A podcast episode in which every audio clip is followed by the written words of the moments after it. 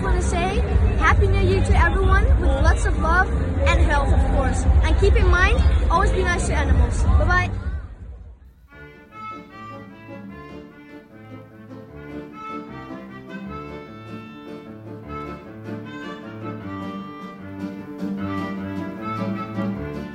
Gelukkig nieuwjaar.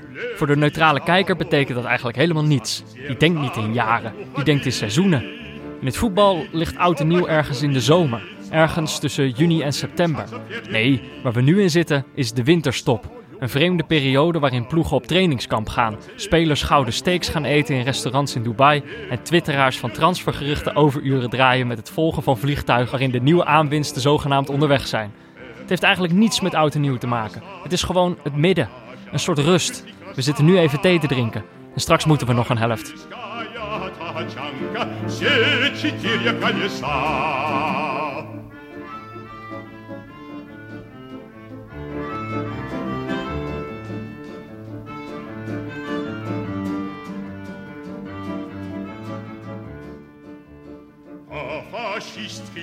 Ja, Jordi. Hallo Peter. De eerste aflevering van 2019. Ja, bijzonder. Ja, alle onze afleveringen tot nu toe waren in 2018. Ja, precies. En eigenlijk hebben we nog nooit in een januari opgenomen. Ook dat nog. Ja, nee, dat is wel waar. Het was echt nu. Ik had, jij, had natuurlijk, jij komt van ongeveer dezelfde kant naar de studio toe gereden. Dus jij had ook eh, flinke tegenwind. Ja, Maar klopt. jij, jij zit op de scooter, dus dan merk, merk je daar iets minder van. Ik heb overwogen om te gaan fietsen. Maar het is zo koud. Dat inderdaad, dat, voor mijn gevoel eh, past dat niet echt bij onze podcast. Nee, we zijn, een, we zijn eh, wat is dat? Mooi, mooi weer podcast. Nou, ik wel in ieder geval. ja een, een, feestelijke periode. Heb je hem ook feestelijk beleefd? Eh, je bedoelt kerst en oud en nieuw? Kerst en oud en nieuw, eh, dat we even Eh, vrij waren. ja, ja, jawel. Ja, het, is, het gekke is natuurlijk, je hebt, je hebt dan kerst. Dat is soms, soms echt zo'n eh, beproeving waar je van hot naar her gaat en de hele tijd gezellig aan het doen bent. En dan kom je thuis, ben je doodmoe. Tenminste, Ja. dat geldt voor mij dan. En dan is het eigenlijk altijd zo'n beetje wachten tot, tot oud en nieuw is. Dat is dan de, het eerstvolgende ding dat je gepland hebt. Dus in die tussentijd, dat wordt een soort periode eh, waarin je gewoon op een gegeven moment echt totaal niet meer weet welke dag het is. eh, hoe lang, hoeveel dagen er eigenlijk tussen kerst en oud en nieuw zitten. En ik had op een of andere manier voor mijn gevoel, was er, in al die dagen was er gewoon voetbal. Ja, Er werd natuurlijk ook best wel veel gevoetbald. In Engeland vrij veel en eh, Italië volgens mij. Italië heeft een rondje gedaan en net op het einde begon weer Spanje. Ja, maar Dus- ik, ik, ik, ging, ik ging steeds ehm, eh, Match of the Day terugkijken. Ja, Ehm, waardoor, waardoor ik zeg maar ook dat niet keek op de dagen waarop het daadwerkelijk plaatsvond. Dus voor mijn gevoel was er gewoon elke dag wel een wedstrijd. Een Engelse Ja. wedstrijd. ik vind dat je dat dus heel snel, heel snel krijgt. Dat je die, die dagen kwijt bent. Als je gewoon even in je vakantiemodus zit en... eh, ja, is het, wat is het nou? Donderdag? Vrijdag? Er is voetbal, het klopt niet. Ja, ik, was door echt- de week. ik was helemaal gedesoriënteerd. Maar dat Ja. heeft ook wel iets prettigs. Ja, ik ga dan altijd, ja, altijd, over het algemeen, als een vakantie meer dan, dan één week is, dan ga ik heel laat slapen.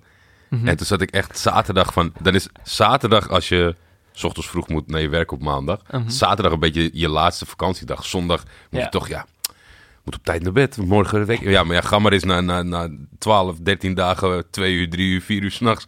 Ineens weer gewoon netjes om 12 uur in het mandje liggen. Dus dat ging niet. Het was, eh, het was zwaar vanochtend, moet ik zeggen. Heb je, het, een- heb je het wel een beetje prettig beleefd? Mm.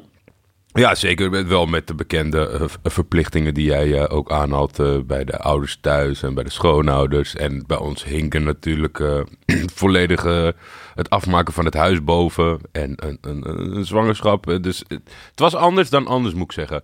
Wel, wel ontzettend leuk hoor, tussendoor. En, en eh, heerlijk gegeten wat al die mensen hebben gemaakt. En cadeautjes en allemaal hartstikke leuk. Maar het was, eh, het was wel anders. Want het zat er elke dag van, nou kunnen we er misschien morgen in, kunnen we er overmorgen in. Alles liep weer uit zoals het altijd En uitloopt. zit je er nu in? Ik slaap er nu al bijna een week. Wow, Ja. Dus het, het, is ook echt slapen. Dus Het het is niet dat echt, het dak eh, er afwaait en je alsnog weer wakker wordt. Nee, nee, nee, nee. nee. Eh, Vlak voordat de vakantie begon hebben we echt alle pijlen gericht op eh, bewoonbaar maken. Dus eh, de douche afmaken en slaapkamer en, en, en dat soort zaken. En daarna begon het, ja, ik moest heel erg, eh, want ik, ik omschreef het ook in een tweet en daarom moest ik ook wel lachen om jouw omschrijving van de transferperiode. Dat heb ik een beetje ervaren met de firma Coolblue. Hè? Ik, eh, ik had helemaal aan het begin, hy- hyper enthousiast dat ik word van elektronica, Ja? een offerte aangevraagd van alle spulletjes die ik wilde hebben. Uh-huh. En toen zei mijn vader van, Alle apparatuur die jij gaat ja. aanschaffen. En toen zei mijn vader van, ja, maar dat, dat duurt nog best lang voordat je dat kan gaan gebruiken. Ja. En waar ga je het neerzetten als die hele huis slopen? Nou ja, oké, laat maar. Maanden daarna zag het, weet je, er was hout en er was, eh, schilder, eh, was geschilderd. Dus ik dacht van, oké, nu, moet- nu moet het gebeuren. En ik ben vrij en dan ga ik heerlijk dat allemaal in elkaar zetten en werk ontmaken en netwerkjes bouwen. Maar, Overeengekomen, besteld, betaald. En toen werd het geleverd en toen kreeg ik alleen een wasmachine, een droger en een televisie. nu heb je toch niet nodig? Wat heb je dan nog meer nodig? Ja, nou, al die andere spullen heb ik ook nodig. Waaronder een stofzuiger die Oh. cruciaal is. Maar nee, ja, de wasmachine en de droger zijn belangrijk. Zeker, want dat wordt echt eh, vanaf het moment dat die is uitgepakt eh, heel erg gebruikt. Maar dat zijn niet de dan- leuke dingen. Wat heeft dit dan met de transferperiode te maken? Nou, omdat ik op dat moment dat het daar niet goed ging. Uh-huh. Het eerste moment dat, eh, dat de levering... over, overwoog jij een transfer. Nou, toen, toen ben ik dus gaan bellen en toen ontstonden er heel veel geruchten van... Morgen misschien wel, overmorgen misschien wel. Nou, we Oh. gaan het voor u uitzoeken, meneer. Ja, het is eh, feestdagen, blauw. Het kwamen heel veel Je had ook geruchten. een Magalan dat jij besteld. Ja, ja, die kwam. Het, het komt niet. allemaal. Maar eh, toen ik net hier op de scooter zat, ik kreeg een, eh, een link met track en trace code. Dus het schijnt dat ze morgen zijn, maar dat heeft me vaker verteld. Dus ik vind het spannend. Wat krijg je dan morgen allemaal? Eh, die- ja, kan- het- een, een NAS-server, weet je wat dat is? Ik heb in ieder geval, ik Nee.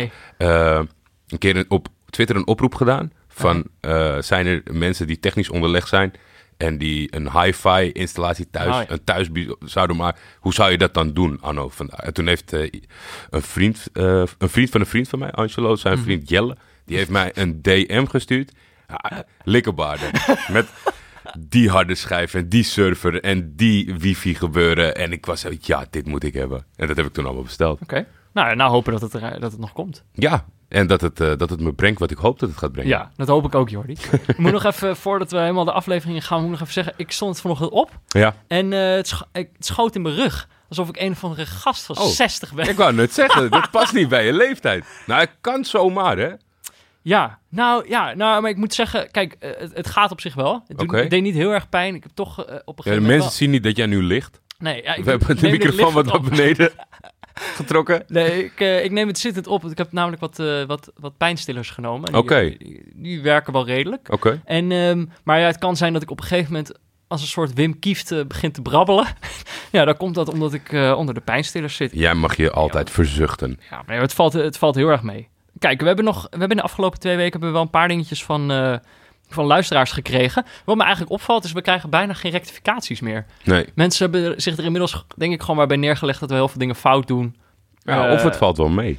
Ja, of ze, of ze kunnen gewoon, of ze hebben gewoon leren relativeren. Dat kan natuurlijk ook. Ja. Dat het ze gewoon niet zoveel meer uitmaakt. Dat ze denken, ach, laat die Jordi lekker mid zeggen als hij dat wil. laat, die, laat die Peter. Nou, er was één, ja, één rectificatie wel over uitspraken van namen. Ja, En daar zijn wij altijd erg strikt in. We willen het altijd exact weten. Mhm. Eh het ging over mijn... ehm, ja, dit was een rectificatie van eh, een eh, Tim Vergozen. Familie van misschien wel? Ja, nou ja, dat zou leuk zijn. Ons chef? Het ging over het kerstverhaal.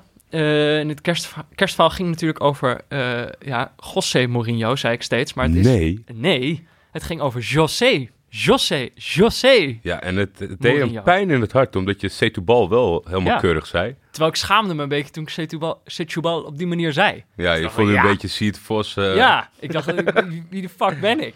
Maar ehm, Ja, maar hij heeft dus een heel, heel verhaal ingestuurd. Ja. Met, eh, met de mooie toelichting en alles. Maar hij had het de hele tijd over een Pieter. ja, In Pieters kerstverhaal. hij heeft gewoon, hij heeft Peter fout ges- geschreven.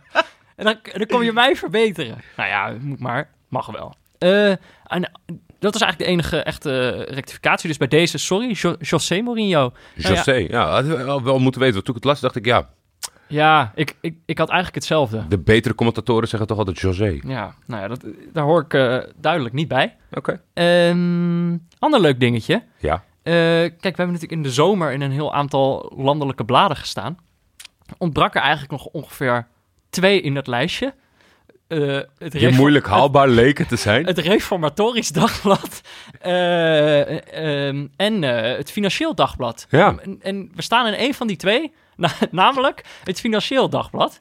Nou, het was een artikel over dat over neutrale kijkers op de beurs. Ja, Dus op het moment dat je geen financiële belangen hebt zelf op de beurs als verslaggever, of er dan ook nog wat te genieten valt. Dus, hoe heet die? Jan Braaksma had er een stuk had een stuk geschreven. Nee, ik, vond, ik dacht, nou ja, misschien zit er een, een kleine referentie in met Ja. een knipoog. Nee, vier Zo- alinea's. Ja, ik wou net zeggen. En het was, echt, eh, het was echt een leuk artikel. Eh, Ontzettend van genoten. Het deed mij een beetje denken aan eh, jouw anekdote van die, van die leraar die eh, over Ja. die, eh, met Oh, de die- Nederlandse taal ging vergelijken. Nou ja, die, inderdaad, die, die literatuurdocent van mij. Of Het de- zou wel goed zijn voor de wereld als overal mensen dat neutrale kijken een beetje op toepassen, heb ik het idee. Nou, wat ik wel, nou, eigenlijk, want ik dacht ook van, nou, ik was wel echt benieuwd, benieuwd hoe die dat dan zou gebruiken. Ja. Ik dacht, hoe ga je het hebben over neutrale kijkers op de beurs? Maar toen zei hij, eh, er was één alinea die ik wel helder vond. Zei die, neutrale kijker had in 2016 en 2017 weinig te genieten. De meeste beurzen gingen in een rechte lijn omhoog. Mede dankzij de doping van centrale banken waren er nauwelijks verrassingen en leek het optimisme onverwoestbaar. Toen dacht ik, dit is wel weer... Het leuke daaraan is, is dat hij dus op deze manier ook iets zegt over wat neutraal kijken is. Dus hij zegt niet alleen iets over de beurzen, Ja. eh, en hoe je daarnaar kijkt. Maar ook zeg maar dat grenzeloos optimisme, daar zijn we eigenlijk ook niet zo in geïnteresseerd. Het moet inderdaad juist een beetje onvoorspelbaar zijn. Er moeten juist verrassingen zijn om het interessant te houden. Ik denk wel een heleboel mensen die financieel betrokken zijn bij de beurs. Zoiets hebben van dat hele neutrale kijken van de beurs kan me gestolen ja, worden. Ik moet geld verdienen. Het is wel, ik moet zeggen, ik voel het nog niet. Ik denk niet dat ik op, op een vrije dag in het weekend naar de beurskoersen zal gaan kijken. Nee? Nee. We kunnen het een keer doen. Nee. 90 minuten lang. Ja, nou je hebt wel gelijk. Misschien moeten we het gewoon eens proberen. gewoon een kans In een interlandweekend. Eh, nee, maar was heel leuk. Dankjewel, eh Jan Braaksma. Een mooi, mooie verrassing. Eigenlijk nu dus eh, rest alleen nog het Reformatorisch Dagblad. En dan hebben wij eh, in, in, in vrijwel alle... Hebben we in Trouw gestaan? Trouw? Dat weet ik dus niet zeker. Mm, volgens mij niet. Nee, Trouw ook niet. Ah, nou, dan moet Trouw ook nog. Trouw en het Reformatorisch Dagblad moeten nog... eh, oh, en het Nederlands Dag. Nou ja, we moeten nog best wel veel over de brug komen. maar eh, nee, we zijn al heel eind. Maar leuk. Autoweek? Auto... Auto en tandarts? Of hoe heet Nou, Autoweek is wel echt een, eh, is wel echt een ding, toch? Autoweek. Als jullie luisteren... Kijk eens neutraal. Schrijf eens een neutraal review over een auto. Ja. En niet omdat die gesponsord is dat je zegt, oh, hartstikke goede auto. Mooi stuur. Ehm, en dan is nog één dingetje. Ehm ja, ja, noem het maar een dingetje. Ja, Eh, eh, het is, eh, neem je tijd voor, eh, ja. Peter Buurman. deze, deze zomer hebben wij natuurlijk eh, met behulp van eh, onze luisteraars een nieuwe bijnaam bedacht voor de Zwitserse eh, voetballer Sheridan Shakiri. Ja. Ehm, hij, heet, hij werd namelijk de toverdwerg genoemd en dat vonden wij een stomme bijnaam. Toen eh, riepen wij onze luisteraars op om een nieuwe bijnaam te verzinnen. Dat werd de machtige kuifarend van Gielan. Eh, degene die dat ingezonden was Matthew. We vergaten steeds dat hij dat had gedaan. Ja, Eh, maar nu hebben we het toch maar even voor de zekerheid opgezocht. Hij heeft zich ook gemeld toen bij ons, Matthew Last. Eh, hij verzon die naam en die hebben wij dankbaar gebruikt tijdens het WK, maar ook daarna. Maar kijk, er is toen tijdens het WK is er iets gebeurd. Jij, jij hebt dat geprobeerd te veranderen op Wikipedia. Toen ben je in een heel conflict terechtgekomen. ja, ja, ja, er is een veto ontstaan Ja. tussen twee kampen. Er is, er is een vete ontstaan en nu is het zo... Omdat wij het er vorige aflevering weer over hadden... Zijn, of twee afleveringen geleden... zijn luisteraars weer begonnen om, om het te gaan veranderen op ja, volgens mij Wikipedia. tot, tot drie of vier keer toe om het weer Ja, op te schrijven. Nou, en dus ik ging eh, even checken van hoe staat dat er eigenlijk voor. Hebben ze het alweer weggehaald, ging ik eigenlijk kijken. Want ze zijn niet heel eh, meegaand op eh, Wikipedia. Maar toen zag ik dat die naam er nog stond. En dan heb je op zo'n pagina heb je ook altijd het tabblad overleg. En daar wordt dan, daar kan je als, ook als lezer kan je dan zien welk overleg de Wikipedia-moderatoren aan het hebben zijn over de inhoud van de pagina. Of bepaalde wijzigingen die zijn doorgevoerd. En ehm, nou ja, er staat dus een, op de pagina overleg staat een stukje over hoe het er nu voor staat met die bijnaam. En toen heeft een van de moderatoren van Wikipedia heeft daar het stukje. Die heeft het volgende geschreven op die overlegpagina. Gezien het feit dat de afgelopen week er weer diverse pogingen werden gedaan, worden gedaan om de goed bedachte bijnaam de machtige kuifarend van Gilan weer in het artikel op te nemen, wil ik graag wat duidelijkheid verschaffen. Deze bijnaam is door een paar liefhebbers van voetbal in een populaire podcast tijdens het laatste WK. Huh? Wordt je bedacht? Mis daar. Ja. Nou ja, de bijna- bijnaam duikt op. Oh, de bijnaam duikt op internet alleen in deze context op. En ik vraag mij oprecht af of wij als Wikipedia in deze goed bedoelde grap moeten meegaan. Wij als Wikipedia. Wij is hij als een van de oprichters? Hij vraagt zich oprecht af eh, of zij hierin moeten meegaan. In ieder geval, er is discussie over. eh, laten we zeggen, deze moderator, Matthijs Lo heet, hij- heet hij, staat hier ehm, een beetje dubbel in. Hij vindt het een goed bedachte bijnaam, Mhm. maar hij heeft het wel over een paar liefhebbers van voetbal. Ik vind het ook flauw dat hij de podcast niet doet. waarom, hebben wij nog, waarom hebben wij nog geen Wikipedia-pagina? Ja, maar ik denk als je voor Wikipedia schrijft en, en, en, en pagina's vult, dat als je dat mooi vindt, dat hij het zeg maar niet kan laten als hij ons noemt, dan moet hij ons ook een, Ja. een Wikipedia-pagina Ja, geven. nee, dat is waar. Dat is waar. Ehm, maar kijk, in ieder geval, één ding aan dit stukje klopt, klopt gewoon niet. Eh, en dat is de zin dat de bijnaam op het internet alleen opduikt in de context van onze podcast. Dat is gewoon niet waar. Het, is al in twee Vlaamse kranten gebruikt zonder ons te noemen. Ja. Eh, op VI is het Ja. meerdere keren gebruikt zonder ons te noemen. Het is op een gegeven moment door een commentator gebruikt in de samenvatting van een oefenwedstrijd van Liverpool zonder ons te noemen. Dus je zou kunnen zeggen dat eh, die bijnaam ook een beetje een eigen leven is gaan le- leiden buiten deze podcast om. Dus dat klopt al niet. Als dat een reden is om het van de Wikipedia te weigeren, dan wil ik op dit moment tegen moderator Matthijs Loo zeggen: hey, eh, het klopt niet wat je zegt. Eh, Ja. Dus dat, maar het lijkt me sowieso, we moeten, ik denk eigenlijk, als we echt succes willen hebben, moeten we ons een beetje tot Matthijs gaan richten. Tot deze moderator. En ik heb me dus, ik heb een beetje research eh, naar, naar hem gedaan als gebruiker. Oké. Ik dacht even kijken wat hij Ik nou ben heel erg benieuwd. Even kijken wat hij nou eigenlijk doet op Wikipedia. Wat zijn, eh, wat zijn autoriteit nou eigenlijk is. Nou ja, hij heeft echt... Hij heeft al heel veel berichten geschreven. Ja. Ik denk wel eh, meer dan 700. Jeetje. Dus wel, weet je, eh, we hebben het niet over zomaar een moderator hier. Deze weet wel waar Ja, hij maar het hij zegt ook wij als Wikipedia. dus- Precies, precies. Hij is echt onderdeel van die community. Ja. Eh, zijn eerste artikel ging over Matthäus van Edessa. Dat is een Armeens historicus en een monnik uit ongeveer het jaar 1050. maar hij heeft ook bijvoorbeeld geschreven over de vulkaanuitbarsting van de Vesuvius in het jaar 79. Nou, en dan merk je al een beetje... Gewoon 79? Nee. Nee, 1979? Oh, nee, Gewoon 79. 79. Was hij daarbij? Nee, nee, maar kijk, dit is dus het ding. Hij is heel erg geïnteresseerd in historie over het algemeen. Dus historie, historische gebouwen, eh, maar ook in voetbal. Kijk, zo'n moderator heeft ook altijd een stukje beschrijving over zichzelf staan. Ja. Dus ehm, eh, daarop staat ook dat hij is ook geïnteresseerd in voetbal. En hij heeft dus ook bijvoorbeeld de pagina, de Nederlandse pagina van Queen's Park Rangers bijna helemaal geschreven. Oké. Ik heb gelezen, ik moet zeggen, prachtige pagina. er staan mooie dingen op. Ehm, maar, kijk, Mhm. dus zijn, eh, hij, hij- voetbal vindt hij wel lachen, maar zijn expertise is geschiedenis. Hmm. En daar wil ik hem eventjes op aanspreken. Ik denk dat daar onze, onze kans zit. Kijk, Matthijs, als je luistert, je, je weet wie we zijn. Eh, kijk, laat ik vooropstellen, ik, ik respecteer wat je doet. Ik respecteer jouw werk als historicus en als eh, standvastige Wikipedia-moderator. Maar als je het over geschiedenis hebt, de machtige kuifarend van Jilan is geschiedenis. Wij zijn het op dit moment gewoon aan het schrijven. In 2018 hebben we geschiedenis geschreven door die naam te bedenken. En jij staat erbij en je probeert die geschiedenis tegen te houden. En als ik, Jordi, als ik één ding weet van geschiedenis, dan is het wel dat je niet aan de verkeerde kant ervan moet staan. Nee, dat zou ik ook niet eh, Dus willen. Matthijs, jouw favoriete eh, Armeense monnik, die, die Matthäus van Edessa, die heet helemaal... Kijk, ik heb die pagina gelezen. Die man heette helemaal geen Matthäus van Edes- Edessa. Hij heette gewoon Matthäus of Matthäus Urhajetsi. Dat heb je zelf opgeschreven. Ze noemden hem alleen Matthäus van Edessa, omdat hij uit Edessa kwam. Meen je niet? Jawel, en wij noemden de machtige kuifarend van Gilan zo, omdat hij uit Gilan komt. Dus ik vraag me af, moet er dan eerst duizend jaar overheen gaan voordat Matthijs Lo accepteert dat dat werkelijk zijn bijnaam is? Of is dat na een half jaar ook wel goed?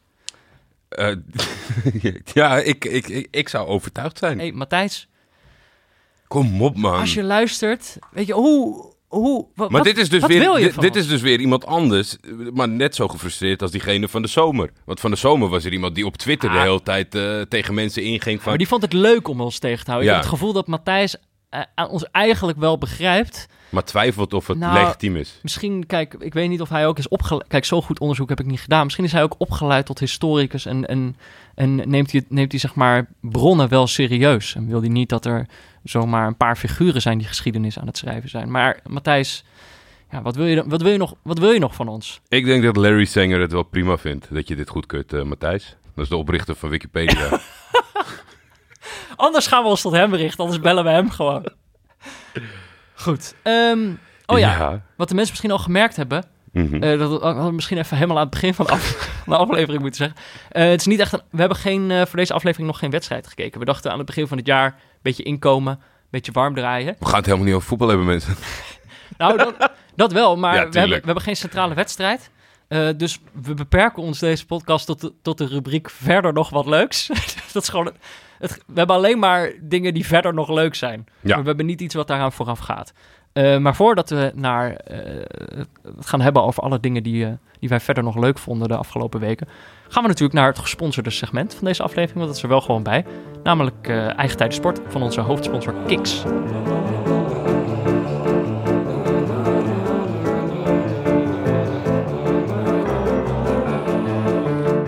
Dit is Eigen Tijden Sport in samenwerking met onze hoofdsponsor Kiks, waarin we terugblikken op historische gebeurtenissen in het voetbal die waarschijnlijk terecht in de vergetelheid zijn geraakt. Deze week Jo- eh, Jos Wit Jos Wit. Met dubbel T. Je schrok helemaal. Ja, ik zat, ik zat me voor te bereiden. Oké. Want de, de tweede zin eh, raakte mij meteen. Oh. Hoi Peter en Jordi. Puntje, puntje, puntje. Mijn verhaal is een wat treurig verhaal. God. Vind ik jammer. Verklapt die meteen? ik weet niet. nou, Ik was 16 jaar en speelde in de A1 van DVOV. Door vrienden opgericht Velp. Prachtige ik vind namen wel. Ik vind het voor iedereen die nog dingen instuurt, je moet altijd even uitleggen waar de af- afkorting van je club voor staat. Zeker waar. Dit soort pareltjes wil ik wel, eh, wil ik wel weten. Ik gold als een groot talent. Een ruwe diamant. De held van de training. Die het alleen nog even in de wedstrijd moest laten zien. Jos heeft het over zichzelf hier? Ja, ja, dit Oh. gaat dit staat een paar keer ik. Oké, ja. Ik was. Ik gold als een groot talent. Ja, ja, ja. ja. Mag. Ik had dat jaar al mijn debuut gemaakt in het eerste. Was 16, hè? ja. En ik trainde ook twee keer per week met de selectie. Ik was praktisch elke dag op de club. In de winterstop moesten we met de A1 een oefenwedstrijd spelen. Ik zou die dag daarna op vakantie gaan naar Rome. Toen ik die zaterdagochtend wakker werd, lag er een pak sneeuw. Afgelast. Gelukkig gingen we wel trainen. Met een oranje bal in de sneeuw omhalen maken. Moet ik zeggen, dat is wel echt heel leuk. Ik moet zeggen, ik ben niet alleen een mooi weer podcaster, ik ben ook een mooi weer voetballer. Jij komt gewoon niet als het Nee, sneeuwt. Het is koud. heerlijk, man. Even een beetje rafotten in die sneeuw. Ik heb in mijn hele leven nog geen oranje bal gezien. Hij zegt ook, het mooiste wat er is. Ben ik met je eens, Jos. We trainden samen met de selectie, want de helft van ons elftal had geen zin om door de sneeuw naar de Pinkenberg, het sportpark te komen. Ik deed mee, ik deed mee met de grote mannen tegen mijn eigen elftal, tot ongenoegen van de jongens van de A1. Nu kunnen we helemaal niet winnen. Nou, nou, nou, klonker. Ik slalomde met de bal aan mijn linkervoet door de sneeuw. Sjaak Zwart, deze Jos weer. Als Alberto Tomba in zijn beste dagen. Maar toen sloeg het noodlot toe. De spits van de A1 had er genoeg van. Hij kwam met gestrekt been in, een sliding van achteren vol op mijn enkel. Ik voelde me als Marco van Basten, maar dan zonder carrière van Marco van Basten. Ik voelde geen pijn, misschien verdoofd door de sneeuw, maar ik wist wel dat het voorbij was. Na een kort bezoekje in het ziekenhuis kwam ik thuis aan. Ik, in de gang stonden de koffers voor de vakantie al ingepakt. Het enige wat ik nog weet is dat mijn zus schreeuwde: We gaan toch wel, hè? Hij kan gewoon naar oma. Ik snap ook wel als je zo over jezelf schrijft dat je zus denkt: van hij kan lekker naar oma. Mijn oma was op dat moment zwaar dement, dus dat was helaas geen optie. Oh. Die zou zich elke ochtend rotschrikken als daar. Die zou zich elke ochtend rotschrikken als ik daar met mijn voet omhoog op de bank zou liggen. Vakantie geannuleerd dus. Ik heb alsnog tien jaar gespeeld in het eerste van DVOV. Maar het talent is er nooit meer uitgekomen. Waarschijnlijk verdwenen als sneeuw voor de zon. Wat heb ik sinds die dag. Wat heb ik sinds die dag een hekel aan die uitdrukking? PS, in 2010 ben ik verhuisd naar Den Bosch. Ik heb twee jaar gespeeld voor Wilhelmina. De derby tegen Emplina hebben wij in die twee jaar niet kunnen winnen. Toen was ik er wel klaar mee. Groetjes Jos. Dat was Emplina weer. Grappig hoe op een of andere manier eh, elke vergeten geschiedenis van Nederland toch weer terugkomt bij Emplina. Alle wegen leiden langs Emplina. Ja. Ik, ik heb een beetje het idee, het is inderdaad een treurig verhaal. Ik heb ook een beetje het idee zo van... Ik, ik- Oké, ik vind meerdere dingen leuk, ja. ik vind het leuk dat je zeg maar keihard getackeld wordt. Iets voelt breken of scheuren en, op, en, en je op dat moment Marco Verbasten voelt. dat je inderdaad, dat, dat je die vergelijking maakt. En wat ik verder... Hij heeft, verder heb ik een beetje het gevoel dat hij... Want hij heeft wel gewoon tien jaar in het eerste gespeeld, maar dan was het talent er niet helemaal uitgekomen. Het voelt ook een beetje misschien als een soort, een soort excuus. Van ja, als ik nooit geblesseerd was Ja, geraakt, maar ik dan denk, was ik ja, en dat, dat, dat is wel voetballer eigen. Niet eens per definitie amateurvoetbal eigen. En ik denk inderdaad dat dat dan een beetje eh, gaat leven in je hoofd van what could have been. Mhm. Terwijl misschien was het wel precies dezelfde carrière geweest. Maar daardoor kan je natuurlijk ook, denk ik, makkelijker met een knipoog deze vergelijkingen maken. Ja, dat is ook zo. En het is wel, kijk, het is wel mooi inderdaad hoe, een, hoe, een, eh, hoe het zo'n droom kan blijven op die manier. Ja, zeker. Ja. En dan kan je, ja, dat wordt natuurlijk steeds, eh, dat gaat steeds groter worden in je hoofd, wat allemaal had kunnen gebeuren. Nou ja, eh, maar Jos is niet de enige die ooit als eh, Marco van Basten zijn carrière beëindigd eh, zag worden. Dit seizoen van Neutrale Kijkers gaan we op zoek naar jullie voetbalmomenten die waarschijnlijk terecht totaal in de vergetelheid zijn geraakt. Heb je ooit een penalty gemist op een belangrijk moment? Scoorde jij ooit een omhaal toen niemand keek? Heb je wel eens een hakje gedaan? Stuur het ons op. Mail je eigen historische voetbalmoment naar neutralekijkers.gmail.com. Wij geven jou de aandacht die je verdient in eigen tijden sport. Dat doen we natuurlijk samen met Kiks, waar je, let op, op je eigen tijden sport. Bij Kiks kun je namelijk voetballen zonder verplichtingen, zonder team, zonder club, zonder lidmaatschap. Gewoon voetballen. Kijk op kiksvoetbal.nl slash neutrale kijkers en probeer het gratis uit. Nou, Ja, eh, de rubriek verder nog wat leuks. Waarin wij gaan kijken of er nog verder nog wat leuks was. Zijn, zijn jou nog dingen opgevallen? nou, het is natuurlijk een, een lange periode geweest met, Ja. met voornamelijk Engels voetbal. Ja. En eh, de- wat we net al aangaven, hebben we denk ik beide het meeste daarvan gezien. Het is wel een beetje, wat ik wel merkte, is dat inderdaad als het zo'n langere periode is, dat je ook al heel gauw dingen weer vergeet. Zo gaat het met voetbal ook wel. Zeg maar iets wat twee weken geleden is, dat, dat, dat is ook gewoon al, misschien ook omdat er een jaarwisseling tussen zit. Ja, ik zat ook te twijfelen of... Ik zat gisteren thuis, ik denk van... Hmm, zal ik een oproepje doen? Wat moeten we morgen bespreken? Maar dat vind ik ook weer zo... Nee, Nee. dat, Nee, dat moeten we zelf bedenken. Ja, precies. Maar Nou- ik, ik had wel het idee van... Nou ja, eh, is- we zijn er toch geen drie maanden uit geweest. Ik, eh, ik, ik wist het bijna Nee. Wel de wedstrijden en de uitslagen, maar niet zozeer de leuke nieuwtjes tussendoor. Nee, precies. Die Nou, blijven minder goed hangen. Ik zal je wel vertellen, Jordi, Ja, nu meteen maar doen. Ik heb een echte neutrale kijkervaring meegemaakt eh, in de afgelopen twee, drie weken. Ehm, zoals je al zei, we, ik heb, we hebben allebei heel veel Engels voetbal zitten kijken. Ja. Onder andere natuurlijk eh, Arsenal-Liverpool. Wat dus een wedstrijd was die voor mij al zo ver, zo lang geleden eh, leek. Maar ook nog niet zo gek lang geleden was. Vond ik echt een fantastische wedstrijd. Wel van genoten. En daar dacht ik wel, jij had natuurlijk net eh, Liverpool tot, tot neutrale ploeg van het jaar uitgeroepen in onze kerst-eindejaars special. yes. Dat ik echt dacht, ja, volledig terecht. Het is natuurlijk een fantastische club. Maar, wat je dan ook gelijk al hebt, is... In, De snap- sympathie. Nee, nou, eh, wat ik gewoon echt onbegrijpelijk vind, is hoe eh, in Match of the Day, maar ook de commentatoren tijdens de wedstrijd het al, al volop hebben over de titel. Elke goede actie die Liverpool maakt, is, wordt dan al meteen al gezegd: Oh, ze, ze maken hier echt aanspraak op de titel. Zo, Ja, terwijl het ligt er heel dik bovenop, omdat het zo een, een, een wacht, een eeuwige wacht is. En dat iedereen het een soort van in de gaten gaat houden. Van, zou het dit jaar wel? ja. Maar dat zie je natuurlijk Maar dat er geen enkele relativering is over dat het nog zo lang duurt tot het einde van het seizoen. Je bent echt op de helft. Ja, maar dit is een beetje... Mensen vinden het altijd irritant als zo'n trainer eh, tien weken voor het einde gaat zeggen Ja. van we hebben nog tien finales. Of ja, eh, we moeten nog eh, een heleboel wedstrijden spelen. Maar ja, dat is wel een soort van wat er in je hoofd gaat leven. Want als je zelf op die bank zit en denkt van ja, we gaan kampioen worden. Dat, dat durf je bijna niet meer. Omdat iedereen het er al over Ja. hebt. En dat soort dingen komen dan meestal niet uit. Nee, nou, ja, maar dus tegen, tegen Arsenal eh, eh, toch wel. Daar ja, maar ja, daarentegen is er daarna een potje. Ja. Die, Maar het was eigenlijk, omdat City natuurlijk weer punten liet liggen, werd dat verschil opeens heel erg groot. En dan snap je op zich wel een beetje, als mensen dan al een beetje over de, over de titel gaan beginnen. Liverpool ziet er natuurlijk ook niet echt uit alsof ze nog punten gaan laten liggen. de horror december van City. Ja, maar dan, ehm, dan komt eh, natuurlijk de wedstrijd aan. Liverpool City wordt al heel lang eh, naartoe geleefd. Of City Liverpool was het, hè? Ja. Eh, wordt al heel lang naartoe geleefd en vaak vallen wedstrijden er dan tegen.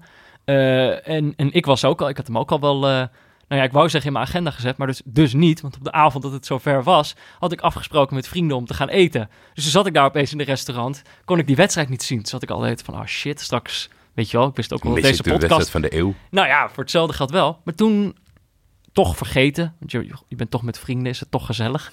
Eh, en toen gingen we daarna nog wat drinken in een, eh, in een café. En ik wist niet precies hoe laat het was. Maar toen kwamen we in het café aan. En toen stond daar die wedstrijd nog aan. Slotfase, ik denk de laatste 20 minuten of zo. Die konden we gewoon nog helemaal kijken. En toen was het nog spannend. Stond toen volgens mij 1-1. En nu wil ik dus... Ja, misschien klopt het niet hoor. Misschien dat mijn geheugen er in deze zeer korte tijd er al een, eh, al een veel mooier verhaal van heeft gemaakt. Maar ehm, toen kwam mijn echte neutrale kijkervaring, Jordi. Ja. Eh, want eigenlijk kijk, ligt mijn sympathie bij Liverpool. We hebben, we, hebben dit, we hebben dit seizoen van neutrale kijkers al best wel zitten zeuren op Manchester City. Dat ze eigenlijk best wel saai zijn en dat ze eigenlijk net iets te goed zijn. eh, en, en niet spectaculair voetbal spelen. Of, of, nou ja, we hebben het daar al vaak... Weet je wel, ze pasen te veel over volgens jou. ze pasen jou in slaap. Ja, We hebben genoeg op zitten zeuren. Dus eigenlijk ligt mijn sympathie gewoon bij Liverpool. Maar op een gegeven moment wordt die 1-2 gemaakt door City. En dit is dan, dit is het ding wat er ook kan gebeuren bij voetbal, is dat je, dat je jezelf soms verrast met een soort onvrijwillige reactie op iets dat gebeurt. En ik merkte dat ik juichte. Kijk, niet, natuurlijk, ik stond niet op, ik, ging niet, ik trok niet mijn shirt uit of zo. Maar ik riep, wel, ik, riep het wel uit bij die goal. Voor City. Terwijl City op dat moment op voorsprong kwam. Ja, maar dat is, dat is denk ik ook wel het- het- het- waarom jij toch altijd een tikkeltje beter zal zijn in het neutrale kijken dan dat ik ben. Omdat ik, ik, ik, ik gun het zo een ploeg dan en ik sta echt wel, weet je, ik, ik lig er niet wakker van. Maar ik baal gewoon op zo'n moment dat het City dan toch weer lukt om die 1-2 binnen te wurmen. Ja, Maar eh, het, was, het was wel terecht hoor. Maar ik kan dan niet zeggen aan het eind, of ik kan niet blij zijn van, is goed, leuk voor de titelstrijd. ja nee, maar dat had ik dus exact. Nee, maar dat is- ik heb dat- echt gejuicht voor de titelstrijd. Nee, want het, dat, het maakt het allemaal levensgevaarlijk voor Liverpool. Liverpool gaat het niet halen Ja. als het spannend wordt. Nee, dat zou, dat zou ik echt Ze- eh, ze moet- het verschrikkelijk vinden. Als Liverpool had gewonnen, dan was het nog steeds niet zeker geweest. Maar dan hadden ze in ieder geval een marge waarin het misschien dit keer wel kan lukken. Ja. Nou, nee, daar ben ik het allemaal mee eens. Maar dan toch blijkbaar hou ik er wel van als het nog wat spannender wordt. Ja, ik ben dat bang vond- dat die spanning helaas eh, onze, onze neutrale ploeg van het jaar de das om gaat doen. Maar het leuke was ook is dat ik, ik merkte dat ik dus die reactie had. En dat ik ook, mijn eerstvolgende reactie was meteen, oh yes, dit kan ik aan Jordi vertellen. een neutrale kijkervaring, dacht ik. Eh, ja, nee, ik, dacht misschien de- een stukje schaamte dat je ging juichen. Maar ja, het, het komt uit Mm. vanuit het neutrale kijken. Nee, nee, toch niet echt schaamte. Want ik bedoel, het zijn gewoon eigenlijk ook twee ploegen waar weet je wel. Ja, dat is doet- ook wel misschien wel het ultieme wat je zegt. Dat je juicht, dat je neutraal voor iets juicht. Ja, Dus dat betekent echt dat er geen affiniteit bij zit, maar dat je het dusdanig leuk vindt dat je ervoor juicht. ja. Knap. Nou, ja, ja. Ja. En iemand wie jou eh, hielp eh, om, eh, om te kunnen juichen op dat moment, was voor mij, oh ja, ik heb echt, ik, Dejan Lovren. Hè. Ik, ik denk van, nou, zal ik helemaal in die persoon duiken, maar dat is hij, in mijn ogen is hij me niet waard. Het is een persoon die eh, op een of andere manier zich altijd tekort gedaan voelt. Ge- eigenlijk is na de finale met Kroatië, is dat helemaal in zijn bol gestegen van, luister, ik, ik heb wel een Champions League finale verloren, dat vergeet hij even te zeggen. En ik heb een WK-finale verloren, vergeet hij erbij te. Dus ik sta op dat podium en ik ben eigenlijk veel beter dan jullie allemaal eh, denken. Ik herinner mij een uitspraak dat hij zei dat hij beter was dan Sergio Ramos. Ja, dat zag ik een Toen soort... zat hij al eh, op de bank bij Liverpool, volgens mij. Een speldachtig artikel kwam ik daar vanmiddag door tegen. Daar stond eh, van dat Klopp was bereid om, de, om het paard van Sergio Ramos over te nemen... om hem te vervangen met Lovren. maar dat was echt... In, ik, weet je, vanuit het Nederlandse commentaar is best wel wat chauvinisme rondom Virgil van Dijk. Mhm. Los van dat hij het echt heel goed doet, hè, maar ik heb ook het idee dat als hij een scheet laat, dat we staan te applaudisseren van wat een, Nou. wat een prachtige scheet. Ik moet zeggen, die Eng dat viel mij ook op toen ik zoveel Engels voetbal zat te kijken. Die Engelsen, die Engelsen zijn ook niet vies van superlatieven. Oh maar, nee, nee, nee, oh zeker niet. Volgens hun spelen zeg maar gewoon alle beste spelers ter wereld spelen allemaal in de Engelse competitie. Ja, ja. Dus dan Virgil van Dijk is gewoon, dan zegt ze, ja, dit is op dit moment gewoon de beste verdediger van de wereld. En dan in een andere wedstrijd of zo is een andere middenvelder is dan weer de beste speler van de wereld. Nee, dat, dat zeker. Maar ik merk wel bij, bij, bij Van Dijk dat het af en toe, zeg Ja. maar, eh, op, het, op het randje... Maar het contrast, hé. Want hij moest die wedstrijd moest hij met Lovren eh, in, in, in dat centrum... Ik had echt medelijden met Virgil van Dijk. Het was alsof je... Ja, hoe moet je dat zeggen? Met je, met je pasgeboren kind het veld op moet lopen of zo. Het, het, het had gewoon niks, niks met elkaar te maken. Ik, heb nog, ik, ik kan me niet een setting herinneren waarin het contrast, met welk beroep dan ook, zo groot was tussen twee mensen die samenwerken. ja, dat is echt schrikbarend. En dan met, met die interviews en quotes in ons achterhoofd. Ja, Ik hoop ja want echt... hij had nu weer gezegd, wat was het nu nou? Oh ja, dat, die, dat het hem niet zou verbazen als Liverpool ongeslagen kampioen zou worden. Zeg Ja. maar daags voordat ze Voordat ze, voordat ze kwijtraken. ja, nee. Zo'n jongen is het dus.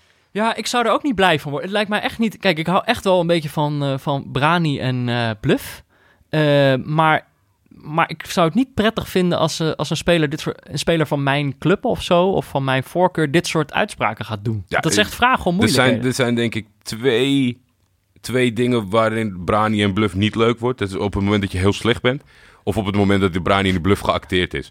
Bij Ja. Ajax heb je bijvoorbeeld... Het zou heel gek zijn als, als Mitchell Dijks of Joel Veldman... eh, interviews gaat geven waarin ze zeggen... Ja, allemaal leuke na die, die, eh, die eh, Marcelo van Real Madrid. Maar kijk mij eens. Of, of Justin Kluivert had daar wat van. Ja. Van, zolang ik hier ben, verliezen we nooit van PSV en Feyenoord. Weet je, dat, die twee segmenten, en dat is volgens mij een beetje gecombineerd uh, Loveren. Ja. Heel vervelend. Jij vreest voor Peter Bos. Vertel. Nou, dat heb ik opgeschreven, ja. Dat is volgens mij de voor... Het is niet waar.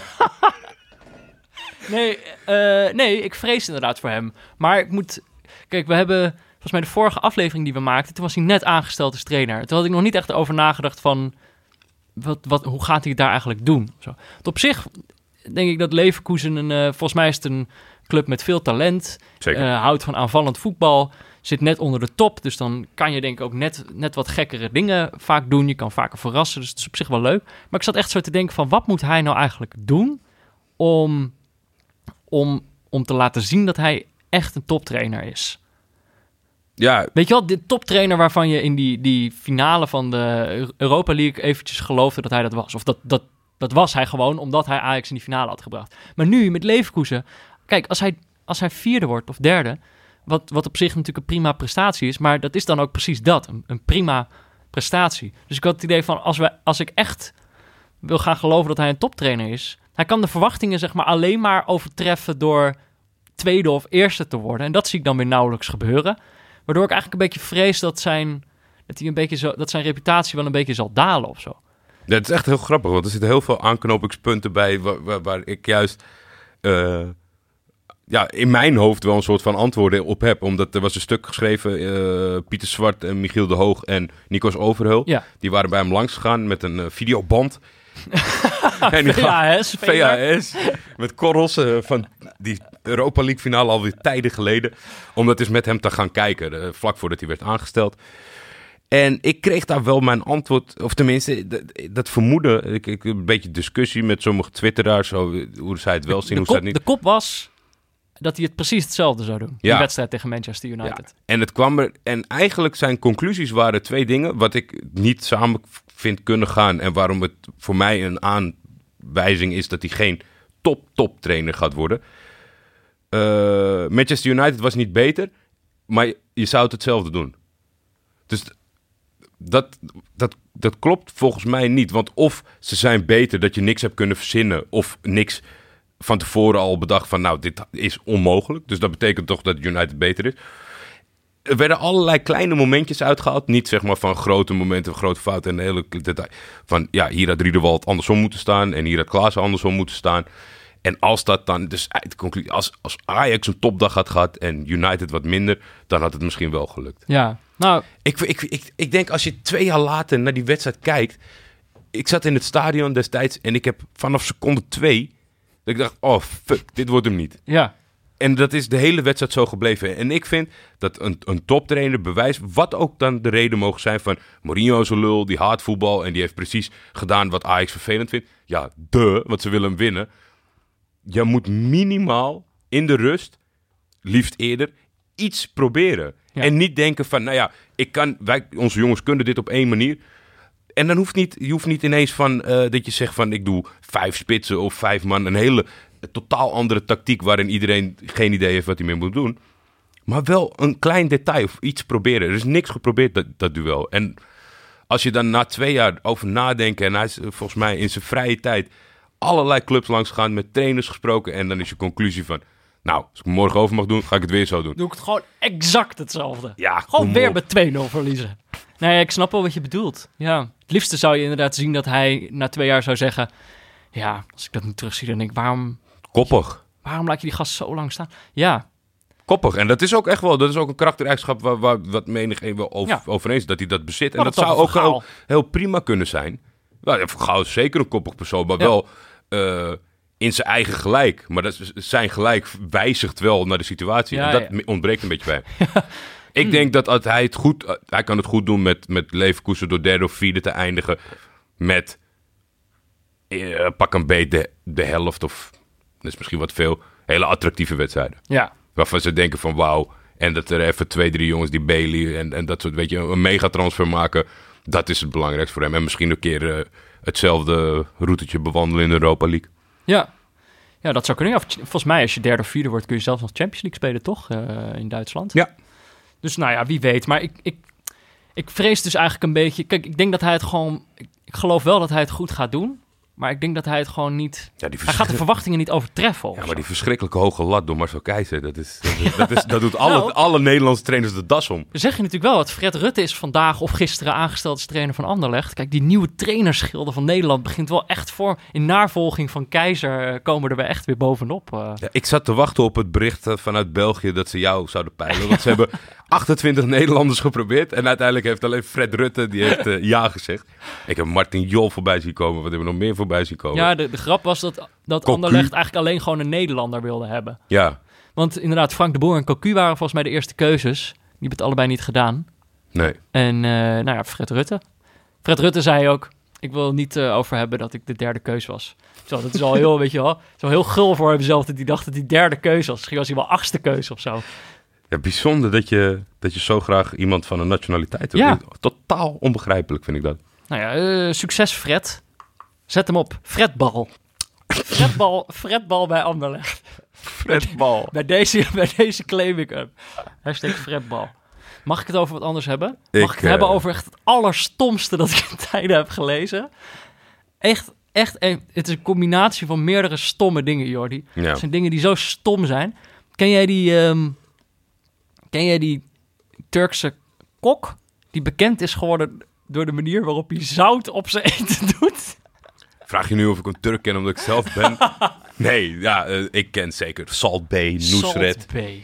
Ja, dat Sto- is... die eh, naam vind ik al stom. Ja, ik ook. En het feit dat hij bekendheid heeft gekregen door, een soort, eh, door, door, door alleen maar de manier waarop hij dan grappig zout strooit op, in, een- in een filmpje, vind ik, vind ik ook al stom. Maar hij, heeft, hij, heeft, hij is heel slim omgegaan met die bekendheid. Hij heeft meerdere restaurants geopend, waaronder dus eentje in eh, Dubai. Ja. Ehm, De, daar verblijft hij het meest van Kom alle...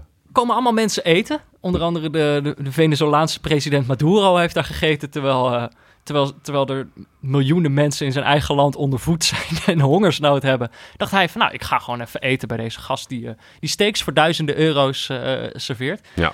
Eh, maar waar ook bijvoorbeeld Per Schuurs is gaan eten. Per Schuurs? Per Schuurs, eh, de, Dat moet een, eh, een cultuurshock geweest zijn van de plaatselijke Nou, bistro in Sittard. dat is natuurlijk in de, en dat vind ik dan ook. Dan is het eh, winterstop en dan krijg je als speler krijg je heel even vrij om op vakantie te gaan. Per Schuurs is natuurlijk eh, deze zomer van Fortuna naar Ajax gegaan. Heeft opeens gewoon een heel ander leven, denk ik. Ja. Eh, hoofdstad.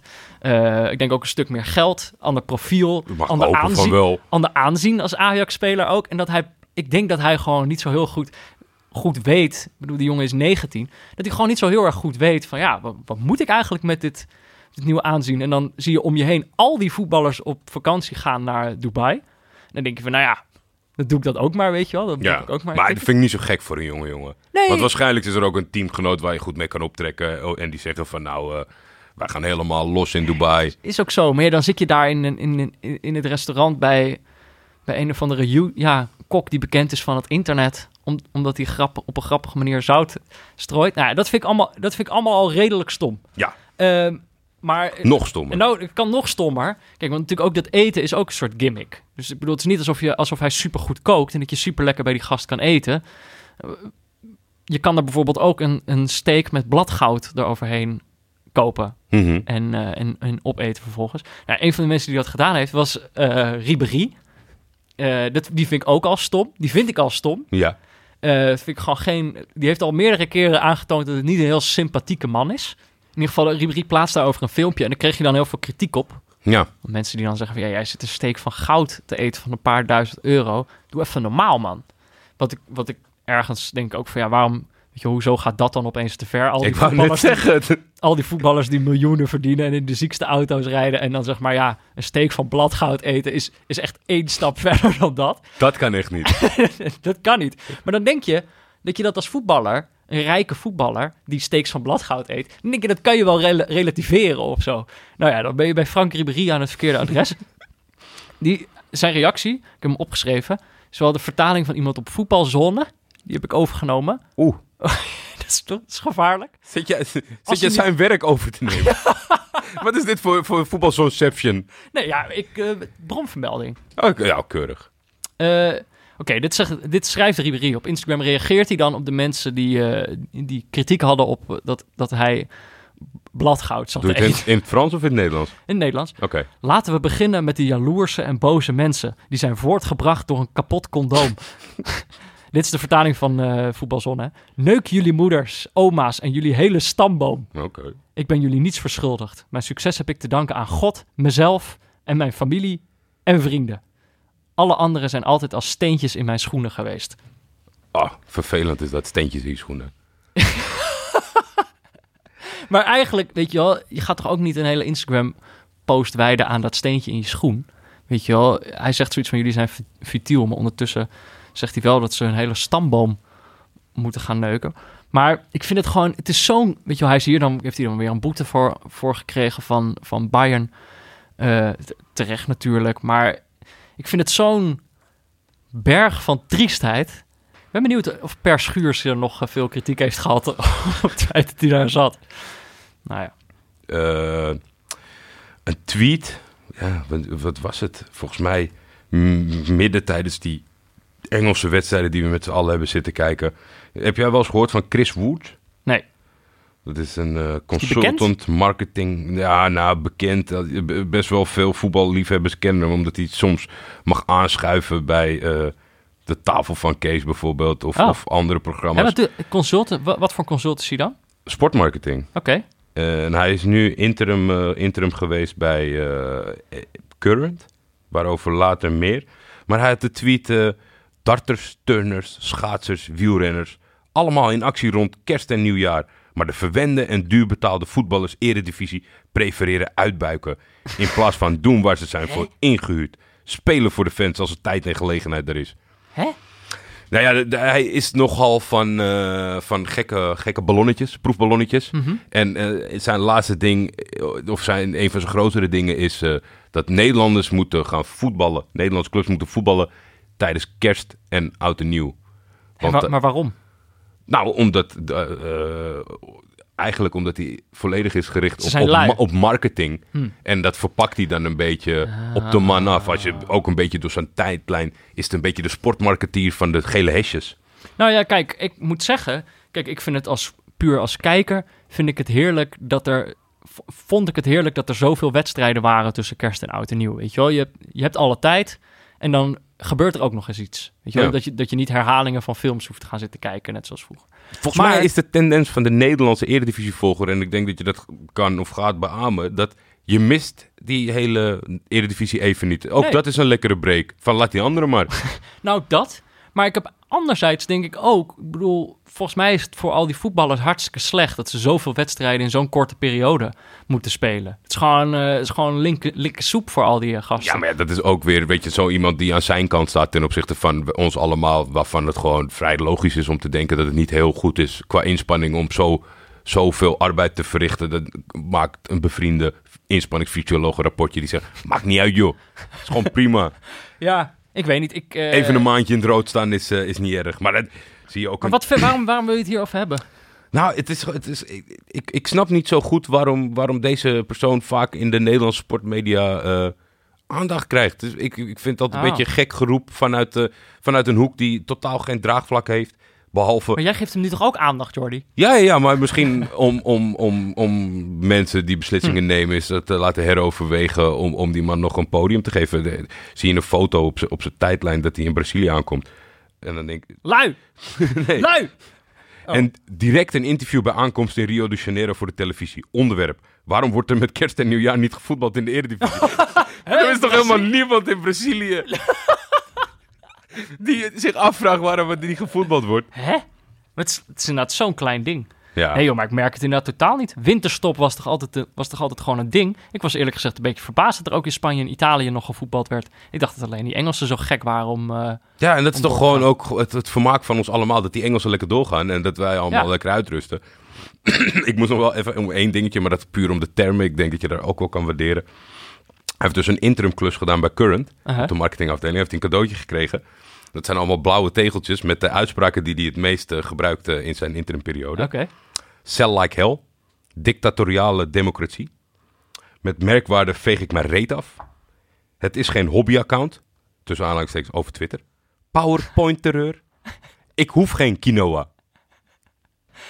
Klinkt als een gewoon ontzettend leuke Ja, man die voor allerlei dingen open staat. laat ik de laatste lul geweest zijn die deze meneer enige aandacht heeft Ja. gegeven.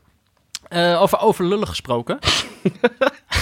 Eh, eh, heb jij toen, de- dit is echt al wel een tijdje terug hoor, was volgens mij ook een beetje nog voor kerst, het verhaal van Craig Bellamy uit de, uit uitgekomen biografie over John Arne Riese. Een bijzonder saai boek lijkt. Maar in ieder geval, de, de leukste anekdote daaruit, die ging al natuurlijk weer een eigen leven leiden op het internet. Eh, en dat, dat was namelijk dat.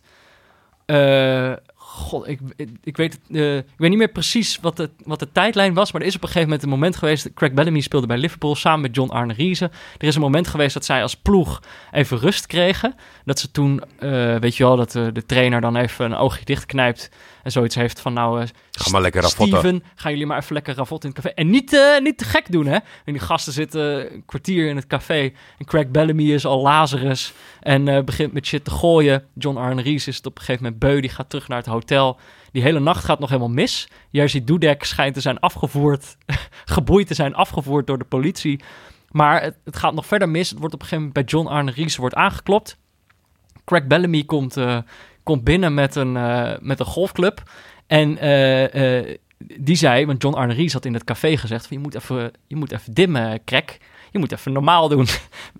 En Craig Bellamy wilde er niks van weten. En hij voelde zich, eh, eh, voelde zich in zijn eer aangetast. En hij dacht, nou, ja. weet je wel, als je me dan in mijn eer hebt aangetast... dan ga ik jou in elkaar slaan met een golfclub. Ja, ja. En dat is dus wat, hij heeft dat dus geprobeerd. En John Arne Riese, ja, ik bedoel, het komt uit zijn biografie, dus het zal misschien ook wel wat dikker zijn aangezet. Hij zegt van, ja, ik dacht dat ik mijn benen zou breken. Eh, dus de, zij, eh, hij is een paar keer geslagen met die golfclub. Nou, uiteindelijk worden zij toch nog uit elkaar gehaald of het loopt nog goed af. Volgende ochtend verschijnt iedereen eh, eh, met veel schaamte weer a- aan het ontbijt. Nou, eerstvolgende wedstrijd is een Champions League wedstrijd. Craig Bellamy schiet op een gegeven moment. Of nee, in eerste instantie is er nog een situatie waarin de een een assist geeft op een ander. En dat vindt hij dan nog een voor- voorbeeld van echte sportsmanship. Weet je wel, dat je elkaar buiten het veld met een, hon- een, eh, een golfclub in elkaar mapt. Maar op het veld. Op het veld dan eh, ben je toch gewoon teamgenoten, doe je toch gewoon samen. Maar dan is er een moment dat Craig Bellamy ergens de winnende goal maakt. En dan juicht hij door te gebaren Ja. met een golfclub. Wat op zich, ik herinnerde me dat moment, toen ik het las, ik herinnerde me gewoon het moment dat hij dat deed. Maar dat was dus echt een verwijzing, als we die biografie mogen geloven, naar het moment dat hij John Arne Ries in elkaar probeerde, dat hij de benen van een medespeler probeerde te breken met de golfclub. Nou ja, daar, daar Het- wil ik het het, zegt- niet over hebben. Het zegt wel wat over dat, eh, dat iemand anders de ster is in de biografie van John Arne Riese. Toch? Ja, ja, ik wil eigenlijk de biografie van Craig Bellamy wel lezen. Nou, maar Zal die wel hebben. Hij is nu in het nieuws. eh, want hij is jeugdtrainer bij Cardiff. En eh, er zijn eh, ouders die aangifte tegen hem hebben gedaan. Namelijk omdat hij, hij schijnt een jeugdspeler te pesten. ik vond het zo... Waarom... Weet je wel dat je, oké, dat je iemand pest op de werkvloer, dat, dat, sch- dat schijnt nog best wel veel te gebeuren ook. Ja. Maar dat je dan een jeugdspeler gaat testen. Je gaat gewoon een kind, gaat hij gewoon zitten pesten. En hij is nu ook op non-actief eh, gesteld. En- Oh, hij is Welsh. Hij is en, Welsh, en die ja. jeugdspeler die die pest is Engels. Ja. Oh ja, en Cardiff is natuurlijk ook een Welsh club. Ja. Oh, dus het was inderdaad, het ging over iets, iets over afkomst inderdaad. Ik denk het wel. Ik, ik denk dat Greg Bellamy zo'n hele vervelende ouderwetse kijk op het leven heeft. En gewoon hele nare dingen zegt. En dan je, gewoon niets vermoedend. Ik denk niet, als je ook zijn reactie leest, dat hij zegt van... Ik stap terug, ik werk mee. Ik vind het heel jammer dat het op deze manier naar buiten is gekomen. ik had het graag onder de... En ik verwacht dat ik binnenkort weer aantreed, want het zal bewijzen dat er niks aan de hand is. En ik denk ook daadwerkelijk dat hij het helemaal prima vindt. Nou zit ik altijd een beetje tussen dat we tegenwoordig iets te, iets te gevoelig zijn ten opzichte van... Maar, ja, maar dit is echt een volwassen man... Ja, die een Die dan jeugdspeler een jongen pesten. van 17 gaat pesten. Dag in dag uit, waardoor die gozer niet meer naar die voetbalclub... Hij voetbalt nu ook tijdelijk ergens anders. Ja. Ja. En dan in je achterhoofd dat dat dezelfde gast is die een medespeler met een golfclub in elkaar probeerde te... Ja, nog eh, een paar, De- kle- paar kleine dingetjes. Ja, de trainer van Thailand. nou, het zijn een paar dingen. We moeten het natuurlijk. We, we gaan voor de volgende aflevering wel weer een, eh, een, een, een wedstrijd kijken. Ja, zeker. En er was op een gegeven moment iemand die, eh, die stuurde een, een tip. Gert-Jan, Ja, die stuurde een denk tip. ik, er stond GJ. Ja, die stuurde een tip. Ja, Gert-Jan. Hij kan ook eh Grienke Jos heten. Maar hij, eh, hij had de suggestie van... moeten jullie niet Iran-Irak gaan kijken? Dat is een wedstrijd op de Azië Cup. Ja, En die Azië Cup is nu bezig. Laten we gewoon eh, full disclosure. Wij hebben even overwogen om, om daar een serie over te maken. Hebben we niet gedaan. Maar dat toernooi kijken we natuurlijk wel een beetje naar. Misschien dat we nog wel een wedstrijd van dat toernooi gaan kijken. Want het was... In eerste instantie dacht ik echt van... Ja, de Azië Cup, daar weet ik echt helemaal niks. Hoe moet je dat... nee, dat, dat is echt heel heftig. Want ik heb met de schuin nog een beetje naar de selecties gekeken. En eigenlijk alleen nog gekeken naar de teams die meededen. maar ik was toch wel benieuwd naar Palestina hoor. Nou, ik vond... Hoe die dat doen op een groot toernooi. Maar ik, wat ik eigenlijk het, eh, het moment dat ik dacht, het is toch wel een leuk toernooi, was inderdaad toen de trainer, de bondscoach van Thailand gewoon na één wedstrijd werd ontslagen. Ja, maar kom 1-4 verloren van India. Het grote Ja, Thailand. Van het grote India, toch? Ja, ik kan, maar dat vind ik dus wel, ik kan me gewoon helemaal geen voorstelling maken hoe erg dat is. Nou ja, het schijnt, nou ja. Ja, dat is ook goed. Dat, dat- Ik dacht gewoon, trainer na één wedstrijd ontslagen, toptoernooi. ja, maar het is maar een toernooi. Hè. Je hebt niet zo heel lang. Jongens, ongeduld. Ja, nee, dat is Er moet twee keer gewonnen worden. Dus, nou, misschien gaan we nog een wedstrijdje van de Azië Cup kijken, dacht ik. Ja, hij is, hij is midweeks. Want Iran-Irak, het, het, het, het spreekt me aan. Ja, maar er komt vast nog wel wat anders langs, wat toch een keer de... Kijk, Ja, Ehm, ja, inderdaad, Iran, Irak in de ca- categorie Congo. Congo, Congo. Ja. Altijd, nou ja, ehm, wie weet. We, we, we moeten daar nog naar gaan kijken. Een ander ding was ook iets wat natuurlijk de afgelopen dagen een beetje is bezig geweest. Dat er heel veel bekerwedstrijden waren. Dan beginnen de, de bekersprookjes. Die Ja. beginnen dan een beetje. Of weet je wel, gewoon de eerste ploeg die een hoger geplaatste ploeg uitschakelt. Dan is er onmiddellijk is dat een sprookje. Ben jij een beetje een bekersprookjesman? Ik ben afgelopen seizoen eh, bij de bekerfinale van Frankrijk geweest. tussen Oh, eh, echt? Ja, die eh, Les Herbiers en, en Paris Saint-Germain. Dat Ja. was volgens mij de zesde categorie tegen de, ultieme wereldtop. Ja. En die gasten maakten het, maakten het ze nog lastig ook. Ik, ik ben ja, als underdog-liefhebber natuurlijk fan van het, van het bekersprookje. Ja, en het lekkere van zo'n beker is dan ook dat er zijn zulke... Is dan toch dat er wisselende belangen zijn. Dus zo'n kleine ploeg is het ontzettend belangrijk. Terwijl zo'n grote ploeg toch wel gauw denkt, ach laat maar. Waardoor je, weet je wel, waardoor de... de Ja, ja, ja. En maar het, het wordt ook, weet je, de- ik denk dat mensen thuis, en het pijnlijk is dat het soms niet eens altijd zo is, maar dat mensen denken, ah, lekker, de arrogantie afgestraft met de eh, met B-team of met jeugdspelers en dat soort dingen. Dan nog zou het moeten lukken. ja, Maar er zijn er al, er hebben een aantal plaatsgevonden. ja Old, Oldham Athletic. Ja. Gewoon sowieso clubs met het woord Athletic erin, eh, altijd al leuk. Maar die hebben Fulham uitgeschakeld. Ja. Eh, en Oldham is League 2 volgens mij. Dus dat is de, de vierde, ja, dus de vierde divisie, of de derde of zo. In ieder geval, dat is laag. Eh, en eh, in de FA Cup. En ja, toch weer die Franse beker, waar, waar toch wel vaker verrassingen plaatsvinden volgens mij. Ja, nou ja, Dus- afgelopen seizoen zelfs tot aan de finale toe. Ja. Dat was echt een, een, een klein clubje. Marseille uitgeschakeld door Pontivy. Ja, Pontivy uit de vierde divisie. ja, en dat was volgens mij, dat is dus zo'n gevalletje dat je denkt van, nou, lekker voor ze met hun eh, arrogante houding. Maar volgens mij deden ze gewoon hun best en lukte het gewoon niet echt.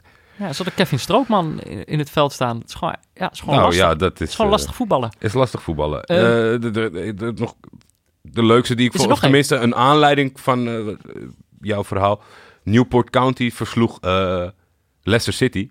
En Gary Lineker is natuurlijk Leicester City. En zij deden verslag daarvan. En op dat balkon was een open setting. En gingen al die supporters van Newport County gingen aan de overkant zingen van... Gary, what's the score? Gary, Gary, what's the score? en toen deed hij het wel leuk om terug te roepen... 2-1 en congratulations. Ja, ja. Dat was wel eh, was leuk. ja, maar eh, als het goed uitkomt, dan lijkt het mij wel leuk om ook een keer zo'n bekerwedstrijdje misschien te pakken. Tot nu toe hebben we Om naar een bekersprookje te gaan.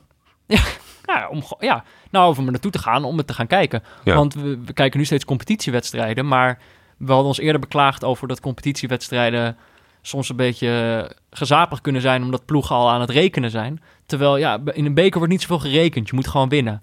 Eh, en er, er wordt meer verrast doordat er gekke ploegen tegen elkaar komen. Dus misschien moeten we dat ook maar een keertje gaan doen. Een bekerwedstrijd. Maar, eh, voordat we het gaan hebben over de wedstrijden van de volgende week, Ja. de wedstrijd die we volgende week gaan kijken. ehm, ja, nieuw jaar. Piet Zwart? Mm, Nieuw Pieter Zwart. Nieuw, nieuw Nieuw Pieter, dacht ik. Kijk een pressing. Kijk een pressing. Toen onze product owner een HDMI-kabel aan het werk probeerde te krijgen om uit te kunnen leggen hoe we de komende maand door kunnen werken terwijl hij vakantie viert op Guatemala, wist ik het. Deze minuut moet gaan over misbaarheid. Dat Cherry, zoals onze product owner heet, waanzinnig goed is in zijn werk, daar twijfel ik niet aan. Onder zijn leiding lanceerden we de afgelopen maanden onder meer een nieuwe voorpagina en nieuwe combinaties. Wat misschien wel de voornaamste reden is dat we online bij VI keihard groeien, zowel in bereik als in pro-abonnees. Maar is hij daarmee de Cristiano Ronaldo van onze organisatie? De pion die de hele ploeg laat instorten als hij vertrekt? Of is het zoals bij Felipe Coutinho in Liverpool? Het ene moment kan je het elftal niet zonder hem voorstellen, het volgende moment draait het beter dan ooit. Het leuke aan dit soort vragen is dat het geen exacte wetenschap is. Je kunt er een hele theorie in ophangen, maar uiteindelijk gaat het om de vraag: staat er een team achter dat een stapje harder wil lopen om het gemis op te vangen? Dat brengt me bij mijn neutrale voornemen voor komend jaar. Af en toe eens een minuutje overslaan, kijken of het gemist wordt. Kijk een pressing. Kijk een pressing. Ehm, jij, hebt, jij hebt wat wedstrijden uitgekozen. Wel, welke gaan we volgende week kijken?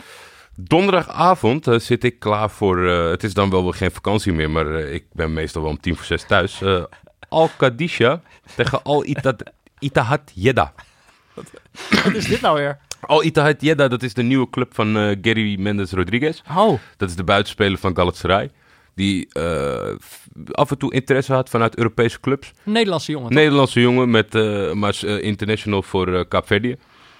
Eh, kreeg een miljoenenbod vanuit, eh, vanuit eh, Saudi-Arabië. Omdat Ittihad. Al Ittihad, die staan vijftiende Zo, van de 16. hè? Maar, Maar daar kwam ik Dat is achter toch geen top? Is dat een top? Dat is toch een topclub?